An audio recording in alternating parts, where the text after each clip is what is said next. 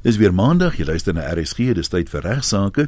Soos gewoonlik is ek hier een wessels en uh, namens die prokureursorde van Suid-Afrika, ons gewone gasaanbieder Ignas Kleinsmid, maar Ignas jy het 'n geleerde vriend saamgebring vandag. Ja, baie besondere geleerde vriend. Uh, nou en dan kry ons 'n gas op hierdie program wat oor 'n onderwerp wat ek regtig niks van weet nie, omdat daar baie min regsgeleerdes is wat hierdie onderwerp werklik hulle spesialisasie gebied maak. En ons is gelukkig vandag om vir David Du Plessis te hê wat 'n uh, eh, kenner is op die gebied van musiekregte. Nou as jy nie 'n ou kampvuur gitaarspeler nie, hoekom jy sê jy weet niks van musiek af nie. nou David het uh, by Tikkie se LLB gekry. Hy het uh, by Wit sy LLM gekry en dit het nogal cum laude gewees. Het altyd vir my baie beïndruk en uh, met onderwerpe soos uh, die media, telekommunikasie, die uitsaaiwese, die kuberreg presies waaroor ons vandag gaan gesels, het hy sy uh, sy M gedoen. Sedertdien het hy 'n baie baie interessante loopbaan gehad. Hy was onder andere hoofuitvoerende beampte van die Suid-Afrikaanse musiek regte vereniging SAMPRA, African Music Performance Rights Association. Hy was ook onder andere by RISA gewees. Dit is nou die Recording Industry of South Africa waar hy algemene bestuurder was vir 'n hele klompie jare. Voordat dit ook baie jare was by die Suid-Afrikaanse Musiekregte Organisasie SAMRO as bestuurder en regsadviseur vir 'n rukkie. So iemand wat werklik waaronder lê is luisteraars om vir, met ons te vandag gesels oor alles en nog wat oor musiekregte en uh, ook natuurlik dadelik gewonder het hy al self bietjie musiek gemaak Ek sien hy het nie sy cello saamgebring nie, maar uh Jan, uh, hy was 'n cellist gewees vir baie jare by die SAIK se nasionale simfonieorkes en ook dis 'n befaamde musikant. Baie welkom, David. Baie dankie, Ignas. David, luisteraars sal waarskynlik met 'n uh, outeursregte te doen kry in twee gevalle. As komponiste, aan die ander uitvoerende kunstenaars, uh, mense wat graag wil self bietjie in die in die bedryf betrokke raak, of as musiekgebruikers. Dit is nou ons almal. Dis wat van tyd tot tyd na musiek luister of koop. Uh omdat dit uiteindelik oor die toepassing van hierdie selfde regte gaan by 'n musiekgebruiker, kan mens dan nou vir prakties doeleindes miskien vir jou vra by die komponis, die uitvoerende kunstenaar, dat ons daarbey begin. Waar kom hierdie regte vandaan wat hierdie kunstenaar geniet? Ek nou, die regte kan hulle pad terugvind na die Wet op Outeursreg en die Wet op die Beskerming van Voordraers. So dit is omdat dit in statute vasgelê is dat hierdie mense kan sê ek het 'n reg Dit is waar dit vandaan kom. Is dit ou wette hierdie? Is dit wette wat al jare bestaan? Wel die outeursregwet die dateer uit die jare 70 en die beskerming van voordraerswet die dateer uit die jare 60, maar dan moet mens natuurlik onthou dat soos met enige ander wetgewing die word die wetgewing aangepas oor jare heen met uh met wetswysigings. So ja. dit is nie meer dieselfde wet wat tans op die uh wetboeke is as wat daar was in 1978 byvoorbeeld toe die wet op outeursreg die eerste keer uitgekom het nie. En is ons regte as kunstenaars in Suid-Afrika dieselfde as die van die res van die wêreld? Dis al minder of meer dieselfde soort van wetgewing van toepassing. Ja, en daar is 'n rede daarvoor en dit is dat hierdie tipe van regte, die word gewoonlik geondersteun deur internasionale konvensies, so in die geval van komponiste en auteurs van literêre werke, die is daar die Bern konvensie wat 'n konvensie is wat al meer as 'n eeu bestaan waarvan daar verskillende lidlande is. So hierdie lidlande, die vat dan daardie beginsels wat in daai konvensie is en neem dit in hulle nasionale outeursreg wetgewing op. En daarom sal die wetgewing ongeveer dieselfde lyk, maar daar word wel voorsiening gemaak vir kwalifikasies sodat sekere lande byvoorbeeld kan sê dat outeursregbeskerming vir komponiste die duur slegs 50 jaar, ander kan sê dis 70 jaar of dalk selfs minder as 50 jaar. So daar is uh, moontlikheid van kwalifikasie van daai regte. In Suid-Afrika 50 jaar, nê? Nee. 50 jaar na die dood van die komponis, 50 jaar na 'n uh, klankopname kommersieel uitgereik is. Uh, wat is die regte van 'n kunstenaar? Is dit is dit onverdeelbare regte? Dit is nie net 'n enkele reg nie. Ek dink dit is 'n fout wat mense dikwels maak om te dink daar is net 'n outeursreg wat iemand het. As jy gaan kyk na die wet op outeursreg, sal jy sien dat byvoorbeeld in artikel 6 en artikel 9 wat nou spesifiek handel oor komposisies en oor klankopnames, is daar subartikels in daardie in daai spesifieke artikel wat dan vir jou sê daar is goed soos 'n eksklusiewe reg van openbare uitvoering, diffusie, uitsaai, reproduksie. En dit word dan gespesifiseer as afsonderlike regte. Elkeen van daai regte die kan dan afsonderlik mee gehandel word deur die outeursreghouer So ek kan byvoorbeeld die een reg, die een van openbare uitvoering, die kan ek gee of oordra se deur aan een party en die reg van reproduksie kan ek oordra aan 'n ander of ek hoef dit glad nie oor te dra as ek nie wil nie, maar dit staan my vry om dit te doen. Verduidelik net 'n bietjie vir my die begrip divisie wat vir my 'n vreemde begrip is.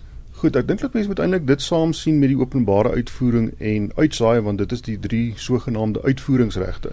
Ja. So 'n uitsending is wanneer jy 'n sein gelei deur die lug sonder enige draer van daai sein, 'n fisiese kabel of so iets, so jy kan hier buite 'n sentektoring staan en jy sal niks hoor nie want 'n uitsending die word gedefinieer as die transmissie van 'n sein onder 3000 GHz of 'n sein na 'n satelliet. Ja.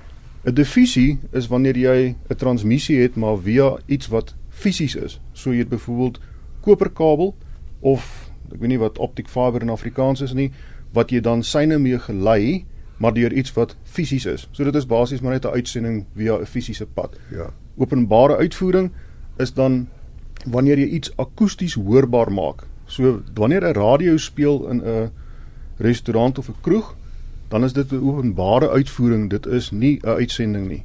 Uitsending kan jy nie hoor nie. Goed, ons het nou mooi gehoor wat die uitvoeringsregte is, maar wat is die verskil tussen 'n klankopname en 'n komposisie?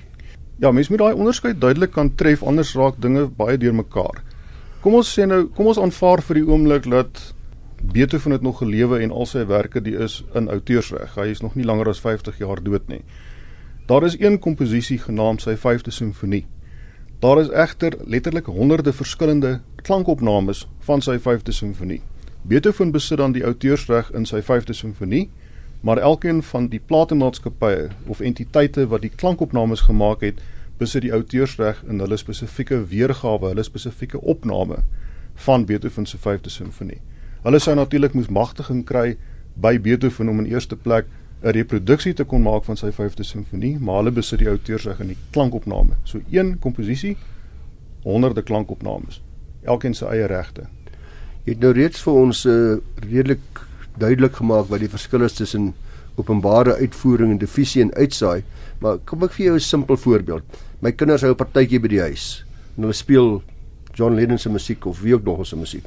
Uh, wat is dit? Wel, as jy gaan kyk na die definisie, want hulle nooi 'n klomp mense nou, is klomp ja, vreemde ja. mense van buite. Dis 'n party, né? Ongelukkig gaan die outeursregwet en definieer nie wat 'n openbare uitvoering is nie. Hulle praat slegs van 'n uitvoering.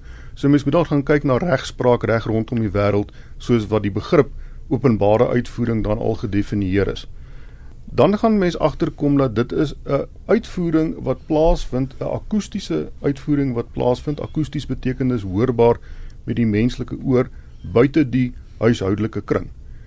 Die huishoudelike kring, dis ek en my familie. So, as daar 'n partytjie gehou word by die huis, dan is dit die huishoudelike kring. Dis nie 'n openbare uitvoering nie. Derhalwe is daar nie enige outeursige implikasies rondom dit nie. Goed, maar sou ek sou ek nou daai kinders sê, hoorie, ek weet julle gaan klomp skade aanrig. Elkeen moet R50 betaal om in te kom. Wel dan raak die prentjie bietjie anderste. Wanneer mense begin geld vra vir mense om na jou partytjie toe te kom, dan is dit nie meer die huishoudelike kring nie. So dit hmm, gaan nie hmm. eintlik oor die aard van die perseel nie. Ek kan gaan na 'n restaurant en ek kan die restaurant uitboek vir myself en my familie en dan daarso 'n partytjie hou waar ek musiek speel. Dis nie 'n openbare uitvoering nie, want dit is nog steeds die huishoudelike kring. Dit is die aard van die gehoor wat bepaal of dit 'n openbare uitvoering is of nie. So of dit die huis is of dit 'n restaurant is of dit 'n groot konferensiesentrum is, die vraag bly dieselfde. Is dit musiekgebruik binne of buite die huishoudelike kring? Goed, en nou kom die moeilike vraag wat my betref die interessante deel is, ek is nou die komponis. Jy het nou vertel van al die verskillende regte, hoe oefen ek hierdie regte uit? Hoe hoe maak ek seker ek gaan geld kry by daai partytjie? Meeste komponiste, die sal besluit om hulle uitvoeringsregte soos ek gesê daai drie regte van uitsaai, divisie en hmm. openbare uitvoering om dit oor te dra aan organisasies soos byvoorbeeld 'n SAMRO in Suid-Afrika wat spesifiek uitvoeringsregte administreer. Want die ding is dit gaan baie moeilik wees vir 'n komponis om te komponeer, ja, moontlik self ook 'n uitvoerende kunstenaar te wees en ook om te sien na die administrasie van al hulle regte. In die geval van die uitvoeringsregte prakties onmoontlik mm. om dit eintlik self te administreer in die geval van die reproduksieregte as jou musiekkomposisies slegs plaaslik gebruik word is dit waarskynlik vir jou meer moontlik om dit te kan monitor want jy sal byvoorbeeld by die plaaslike CD winkels en ander plekke kan sien of daar van jou komposisies is wat op series is wat op die rakke is mm. en op daai manier dan vir mense gaan sê jy is besig om my komposisies te reproduseer. So David wat jy vir ons sê is dat die baie groot oormeerderheid van komponiste sal hierdie goed oorlaat aan administratiewe organisasies. Dit nie self doen nie want dit is eintlik soos jy sê fisies prakties onmoontlik, maar uh verteenwoordig hierdie kollektiewe administrasie organisasies verteenwoordig hulle ook komponiste oor die hele wêreld dan of net in Suid-Afrika. Okay, ek sal eers bietjie die spektrum daarvan wil weier maak ook want soos ons nou geweet, boonbehalwe die komposisie is daar ook die regte in die klankopname. So net soos wat daar 'n SAMRO is vir komponiste, is daar SAMPRA vir die uitvoerende kunstenaars en platemaatskappye wat dan op 'n soortgelyke manier omsien na hulle regte. Nou daar is in die geval van komposisies vir 'n SAMRO is daar 'n netwerk van wederkerige ooreenkomste wat aangegaan is tussen SAMRO en geaffilieerde organisasies reg rondom die wêreld wat hulle dan in staat stel om daai regte hier te administreer. In die geval van 'n SAMRO word die regte gesedeer en reg rondom die wêreld is die praktyk om regte van komponiste te sedeer. Die situasie is so bietjie meer gekompliseerd wanneer dit kom by klankopnames want anders met klankopnames as wat die geval is met komposisies. Soos ek gesê het met komposisies is ons 'n lid van die Bern konvensie. In die geval van klankopnames is Suid-Afrika ongelukkig nie 'n lidland van die verskeie konvensies wat bestaan soos die WPPT en die Rome konvensie. So dit het dan sekere implikasies onder andere dat mens sal moet gaan kyk na wanneer 'n opname vrygestel is in Suid-Afrika in vergelyking met wanneer dit vrygestel is oor see en om dan basies 'n studie te doen oor of dit outeursregbeskerming geniet in die land of nie. So dit is dit is bietjie meer gekompliseerd. In die geval van komposisies is dit relatief eenvoudig. Ons het vir David Du Plessis hier en Ignas Kleins met gesels met hom oor allerlei aspekte van musiekregte. Ja, David het ek vergeet om te sê is tans 'n advokaat wat praktiseer in Johannesburg en natuurlik ook 'n uh, eh, waarskynlik graag ook wil spesialiseer of reeds spesialiseer op hierdie gebied van musiekregte, maar David baie dankie dat jy bereid is om met ons te kom gesels. Ek persoonlik uh, dink dat ek sing baie mooi. My vrou en my kinders verskil dramaties. nee, dis weer regbare vermoede daar.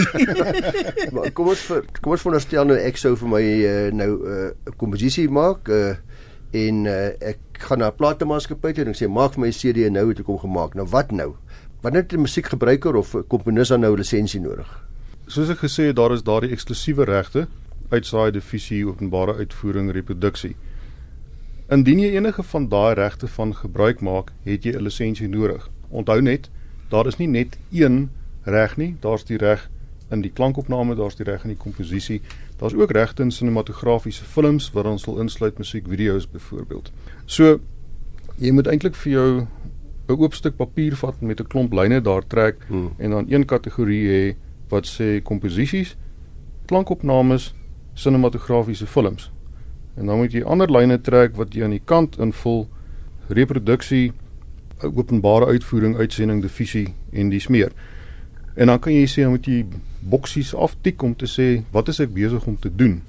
So as mens kyk na die gemiddelde uitsaaier, die gemiddelde uitsaaier is nie besig om wanneer hulle CD speel dit lewendig te doen deur iemand wat 'n CD en 'n CD speler insit nie, hulle speel van 'n database af. Daai database impliseer dat hulle reproduksies gemaak het van daardie CD's. Dis nie net 'n reproduksie van die komposisie nie, dis natuurlik ook 'n reproduksie van die klankopname. So daar's twee regte, twee lisensies wat ter sprake is wanneer dit gebeur. Verder nog is die uitsaaier besig om die komposisie en die klankopname uit te saai. Dit beteken dus nog twee lisensies. So die gemiddelde mm. uitsaaier, mm. soos byvoorbeeld hier by RSG, die sal 4 lisensies nodig hê. As jy 'n restauranteienaar is, dan is jy besig om musiek hoorbaar te maak daar by jou plek waar jy musiek speel.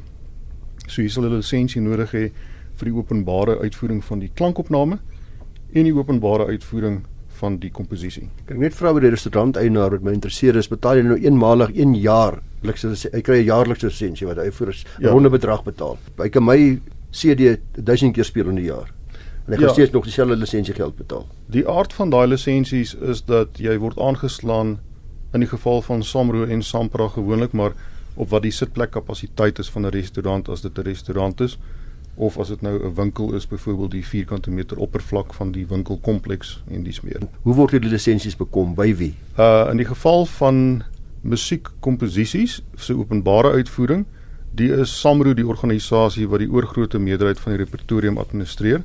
In die geval van klankopnames is dit Sampra wat die oorgrootste meerderheid van die repertorium administreer daar. In die geval van reproduksieregte van komposisies is dit Capasso wat daardie regte administreer. Ek spel net Capasso is C A P A S S O.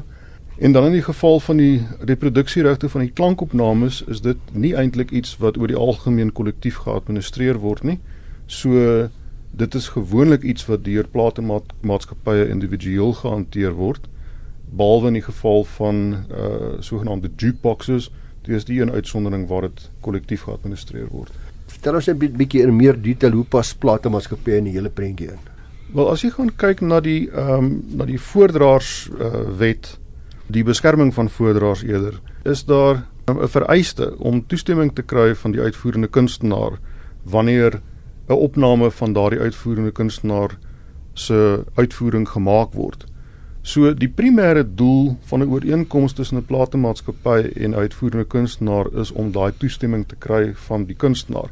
Uit die aard van die saak sal so 'n kontrak dan natuurlik ook handel met byvoorbeeld ehm uh, op watter basis tantieme teen watter persentasie hoe gereeld en dies meer verreken sal word aan die kunstenaar. Betaal die platemaatskappy dan aan die kunstenaar oor? Ja, in die geval van die verkope van die klankopnames, dit is dan primêr waarby die platemaatskappy betrokke is in die geval van die uh, kollektiewe administrasie organisasies die is dit dan gebruik deur musiekgebruikers wat geld verreken word aan komponiste, kunstenaars en platemaatskappye. Ek sien nou en dan is daar 'n geskil of twee wat in die media na vore kom tussen kunstenaars en waar bekla 'n kunstenaar nou sy lot? As hy sy ongelukkig is met met sy of haar kollektiewe administrasie of sy sy of haar platemaatskappy of hulle voel hulle word nie reg behandel nie. Daar is sekere roetes wat gevolg kan word die eerste stap wat ek sou neem as ek 'n kunstenaar is, is om net myself te vergewis oor presies wat die aard is van die dispuut wat ek het. Die vertrekpunt daar is natuurlik eintlik om jouself te vergewis van presies wat jou regte is en wat jy teken wanneer jy 'n kontrak teken en laat mens nie later dan ongelukkig raak oor iets wat jy geteken het in 'n stadium toe jy eintlik moes gelees het wat jy teken. Maar kom ons sê dat vir die kunstenaar wat ongelukkig is met die platemaatskappy, as die platemaatskappy 'n lid is van RISA, wat die industrieliggaam is van platemaatskappye in Suid-Afrika. RISA het 'n gedragskode. So as die platemaatskappy teenstrydig met die bepalinge van die gedragskode optree, dan sou die kunstenaar 'n klag kon gaan lê by die sekretariaat. Die gedragskode die is beskikbaar op die RISA webwerf. Indien 'n kunstenaar of platemaatskappy ongelukkig is met die kollektiewe administrasie entiteit wat hulle regte aan oorgedra het byvoorbeeld dan sou hulle kon gaan in die geval van Sampra na die registrateur van outeursreg wat die reguleerder is van Sampra. Dit is egter net Sampra wat gereguleer word, nie Sambro Capasso of enige van die ander die word tans gereguleer deur Subseni SAGCIPC wat die reguleerder is van Sampra. Hmm. So dit is basies maar die roetes wat die mense sou moes volg ek is nou 'n musiekgebruiker by restaurante waar ek nogal en jy nou nou vir ons verduidelik hoe word die lisensie tariewe bepaal. Ek is ongelukkig daarmee. Is daar iewers kan ek kla iewers? Die remedie wat die musiekgebruiker het in alle gevalle is om na die outeursregtribunaal te gaan indien hulle sou dink dat die tarief wat op hulle toegepas word onprakties, onredelik, ontoepaslik of wat ook al anderste is, te duur dan is die onus op hulle om basies daardie klagte te gaan lê by die outeursregtribunaal en dan 'n saak te maak teen die organisasie om te sê dat ons wil hierdie ding laat na gekyk word deur die outeursregtribunaal. So daar word voorsiening gemaak in die outeursregwet en en en in die regulasies vir so 'n verwysing na die outeursregtribunaal. Ek het 'n baie sterk vermoede Ian, ek weet nie jy nie, maar eh, dat daar baie baie baie gebruikers is wat uh stout is wat nie lisensies het nie. Wat uh, gebeur as ek uh, musiek gebruik sonder die nodige lisensie? Sê is my vermoede reg? Is dit 'n redelike algemene ding met mense maar Man ja, in my jare wat ek by Sampra en Samro was, moet ek vir jou sê dat ek kan nie 'n dag onthou wat daar ooit lang rye mense buite ons kantore gestaan het wat wou kom aansoek doen vir lisensies nie. Ja, ja. So ja, dit is inderdaad. so, maar ja, in aansluiting daarmee het hulle inspekteurs wat ja. rondgaan en plekke besoek en kyk, luister en toets of mense lisensies het of hoe word jy uitgevang as ons dit nou so kan stel? Ja, en is daar strafsanksie en siviele sanksie? Wat hoe werk dit? Soos ek gesê het vroeër, daar is 'n uh, eksklusiewe regte wat die wat die reghebbende toekom. So indien mens van enige van daardie regte gebruik maak sonder hulle magtiging. Dit is eksklusiewe regte wat beteken dit is slegs daardie partye wat die reg het om dit te mag uitoefen. Dit impliseer ook die eksklusiwiteit daarvan dat jy magtiging sou moes kry van daai reghebbende om daai reg te kan uitoefen. So in die eerste instansie, die sal die reghebbende dan die reg hê om in die siviele hof teen jou 'n eis in te stel vir outeursreg skending. Die outeursregwet maak ook voorsiening vir gevalle van roofopnames byvoorbeeld wat dan 'n kriminele saak word. So dan is dit nie meer net siviel nie, maar daar is ook die straf, die strafregtelike aspek. Hoe, hoe definieer mense roofopname? Wat behels dit? Wel, dit is iets wat dit is 'n dis ongemagtigde reproduksie van 'n klankopname vir kommersiële gewin. So dit kan onderskei word van as jy net gewoon vir jouself 'n ongemagtigde reproduksie maak versus jy maak 'n ongemagtigde reproduksie en verkoop dit.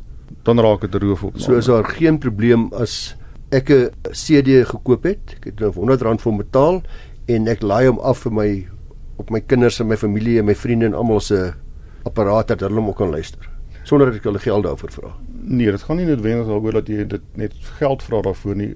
Volgens ons wetgewing soos dit tans lees, die sal enige reproduksie wat jy daarvan maak ongemagtig wees. Goed. Die feit dat platemaatskappye nou nie gaan gedinge instel teen mense wat dit vir persoonlike gebruik reproduseer behoort vir mense te sê dat hulle vrede maak daarmee dat dit gebeur. Dis nie in terme van wetgewing korrek nie. Ja. As jy egter nou wyd en suid te kere gaan en vir helfte van Pretoria gaan reproduksies maak. Mm. Dit gaan dan nie vir jou veel baat om te sê ek het nou nie geld gevra daarvoor nie. Ek verstaan. Dit is prakties amper onuitvoerbaar in elk ja, geval die ja. afdwinging ja, daarvan ja. vir tussen gewone mense. Is daar regtens 'n onderskeid? Ek bedoel dit word nou nie aktief vervolg nie, maar ek koop 'n CD en ek sit hom op 'n stokkie want dit is net geriefliker vir my om uit my CD versameling 'n keur bymekaar te sit en in my mm. kar te speel. Is daar 'n verskil tussen dit en ek leen 'n CD by jou en sit daai CD dan op my stokkie sonder dat ek ooit die oorspronklike gekoop het? Wel daar is 'n verskil in wat mense sou in Engels noem format shifting. Ek koop 'n CD en ek dra dit oor in 'n ander formaat hmm. sodat dit vir my meer gemaklik is om dit te kan gebruik. Dit is die tipe van ding wat plate maatskappye waarskynlik nou nie 'n wenkbrou gaan lig as jy besig is daarmee nie alhoewel in terme van wetgewing soos dit tans lees, dis sou dit 'n outeursgeskending wees.